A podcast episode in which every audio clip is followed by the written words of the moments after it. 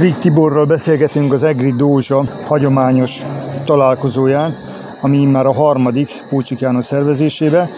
Tibor, te játszottál Egerben, edzősködtél Egerben. Milyen emlékeid vannak játékosként, labdarúgóként, illetve edzőként, aztán majd természetesen mást is megérdeklődünk. Hát játékosként csak azt hogy a legcsodálatosabb élmény a fiatal koromhoz kapcsolódik. Óriási öröm volt ilyen játékosok között játszani, és megtiszteltetés is természetesen. És eh, nagyon jó ezeket a régi emléket felemlítem most, amikor találkoztunk már Pócsik Jani, gyakorlatilag ő szponzorálja ezt az egész harmadik összejövetelt. Valami csodálatos élmény, tehát én mindig ilyenkor azt mondtam, hogy szárnyal a lelkünk, nótázunk egy kicsit a régi szép emlékre, emlékszünk, és ez valami csodálatos. Egy jó ideig szellemi táplálékot, érzelmi táplálékot ad nekünk. Hát az edzősködés akkor nem sok jót mondhatok, mert hát akkor jöttem vissza Hajdunánásról, és maradjunk annyiba, hogy sok fiatal játékossal kellett bennmaradni az újjászervezett egycsoportos MB2-be, ami azt jelentette, hogy a legjobb nyolc között kellett volna lenni, majd a 12 között, és utána még azt hiszem talán még két hely volt, amik osztályzót kellett játszani, hát sajnos nem értünk oda. Ezzel gyakorlatilag az EGRI edzősködésem meg is szűnt. Játékosként milyen élményeid voltak? Hát az valami csodás volt. Én még a végét elkaptam úgy, hogy szenzációs játékosok között játszhattam az NB1-be, óriási élmények voltak, többek között azért is, mert nem sok mérkőzést játszottam, akkor meg elég fiatal voltam, és olyan gólokat rúgtam, amikor a csapat több pontot szerzett, vagy győzött, és idehaza is talán a legemlékezetes, amikor a Vasasnak két gólt rúgtam, a Vasas akkor teli volt azért válogatott szintű játékosokkal, Mészői Farkas, Molnár Puskás, tehát ott fél időben emlékszem rá, hogy vezetett a Vasas, Váradi Béla fejelte azt a gólt, és nagyon sokan, legalábbis a népsport szerint 9000 néző volt, sokan kimentek a érsekkertbe a sörözőbe, de egy rövid idő után visszajöttek, mert sikerült fordítanunk, és három egyre nyertünk. Az nekem különleges élmény volt, mert azon a mérkőzésen két gólt rúgtam. Ki volt az a játékos, aki abban az időszakban meghatározó volt, illetve hogy azt lehet mondani róla, hogy kiemelkedett ebből a gárdából, abból a gárdából az MB1-ből kieső csapatból, aki egyébként Kovács Ferenc mesteredző irányításával vissza is került, ott azért nagyon sok, sok MB1-et megjárt játékos volt. Nyilván, mint támadó, én nagyon szerettem nyilván a Bánkóti Laci, aki nekem, én is később játszottam, és előtte játszottam vele egy csapatba, zseniás labdákat tudott adni emlékszem nekem azt mondta, figyelj kicsi, látom, nem sajnálod a futást, azt mondja, meg fogsz lepődni, azt mondja, látom jó helyre és indulsz be, azt mondja, meg fogsz lepődni, mondom, miért? Azt mondja, mindig előtted lesz a labda. Hát ez igaz is volt, és elég sok gólt rúgtam belőle, de hát abban a csapatban nagyon sok olyan játékos volt, aki ember egyes szintet ütötte meg. Az edzői pályafutásodat most így utólag hogyan értékeled? Melyek voltak azok a hullámhegyek, amelyekre leginkább emlékszel? Amikor 1984-ben Csankjani fölvitte a csapatot az ember, akkor hívott vissza a pályaedzőnek, de azt végül is nem bántam, hogy a junior csapatnak én az edzője.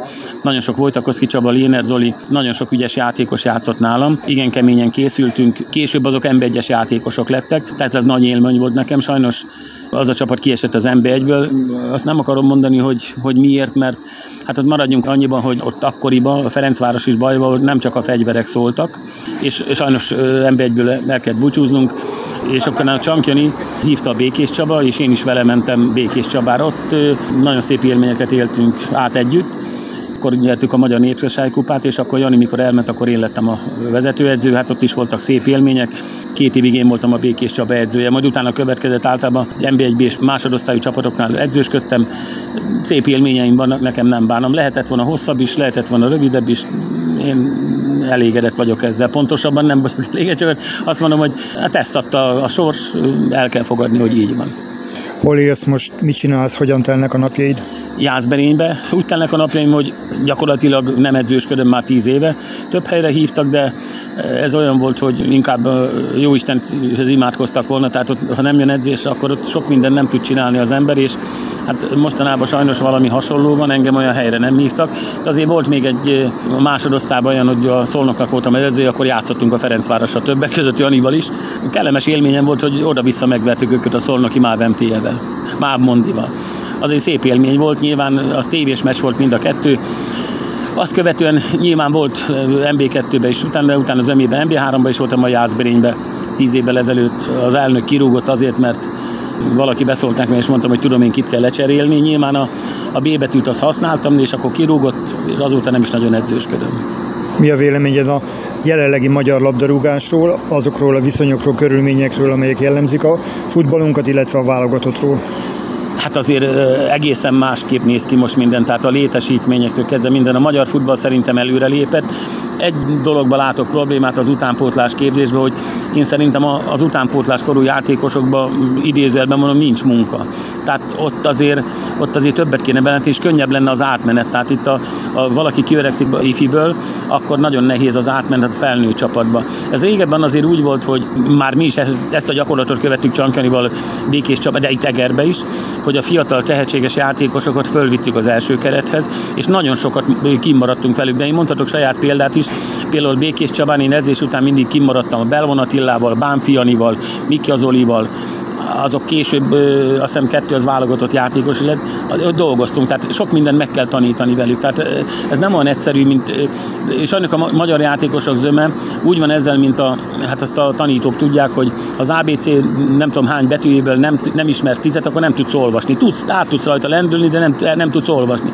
Tehát nekünk a technikai dolgokat meg kell mutatni nekik. Azon túl, hogy a fizikailag is föl kell készíteni, de inkább én azt látom, hogy nem tudnak fejelni a játékosok, ezt nem tanítjuk meg velük, nem tudják lekezelni a labdát, az egy nagyon nagy dolog, és a másik, hogy nem ismerik a kényszerítőt, ami az a legfontosabb a mai futballban. És ma, a mai futball még legfontosabb, hogy bizony a, a egy az egybe való játék, tehát hogy valaki tudjon cselezni, ne tudjon egy embert venni, ha ma, ma ezt valaki nem tudja megcsinálni középen vagy hátulról, akkor az a csapat igen nagy bajban van válogatottról mi a véleményed? Az valami csodálatos. Én örültem neki.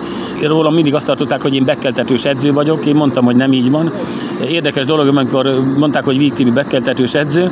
Egy idő után nyilván ez abból fakad, hogy mindig egy bizonyos csapatnál kevesebb költségvetéssel dolgozó csapatnál mondjuk kevesebb gólt kaptunk, mint az első vagy a második való játékos. A következőben mi rúgtuk a legtöbb gólt, és akkor már nem tudtak mit mondani. Tehát akkor már nem volt, nem tudom, akkor már nem mondtak semmit, hogy bekeltetős edző vagyok, de azon múlik ez. Tehát nagyon sok mindent is, és követelni kell a játékosok, de hallom, hogy manapság ez már nem így van, és ami nagyon fontos, hogy nem adják meg a tiszteletet az idősebb játékosoknak, a vezetőknek, meg, tehát az idősebb játékosok nem kapják meg azt a tiszteletet, ami elvárható mindenkitől, a fiataloktól.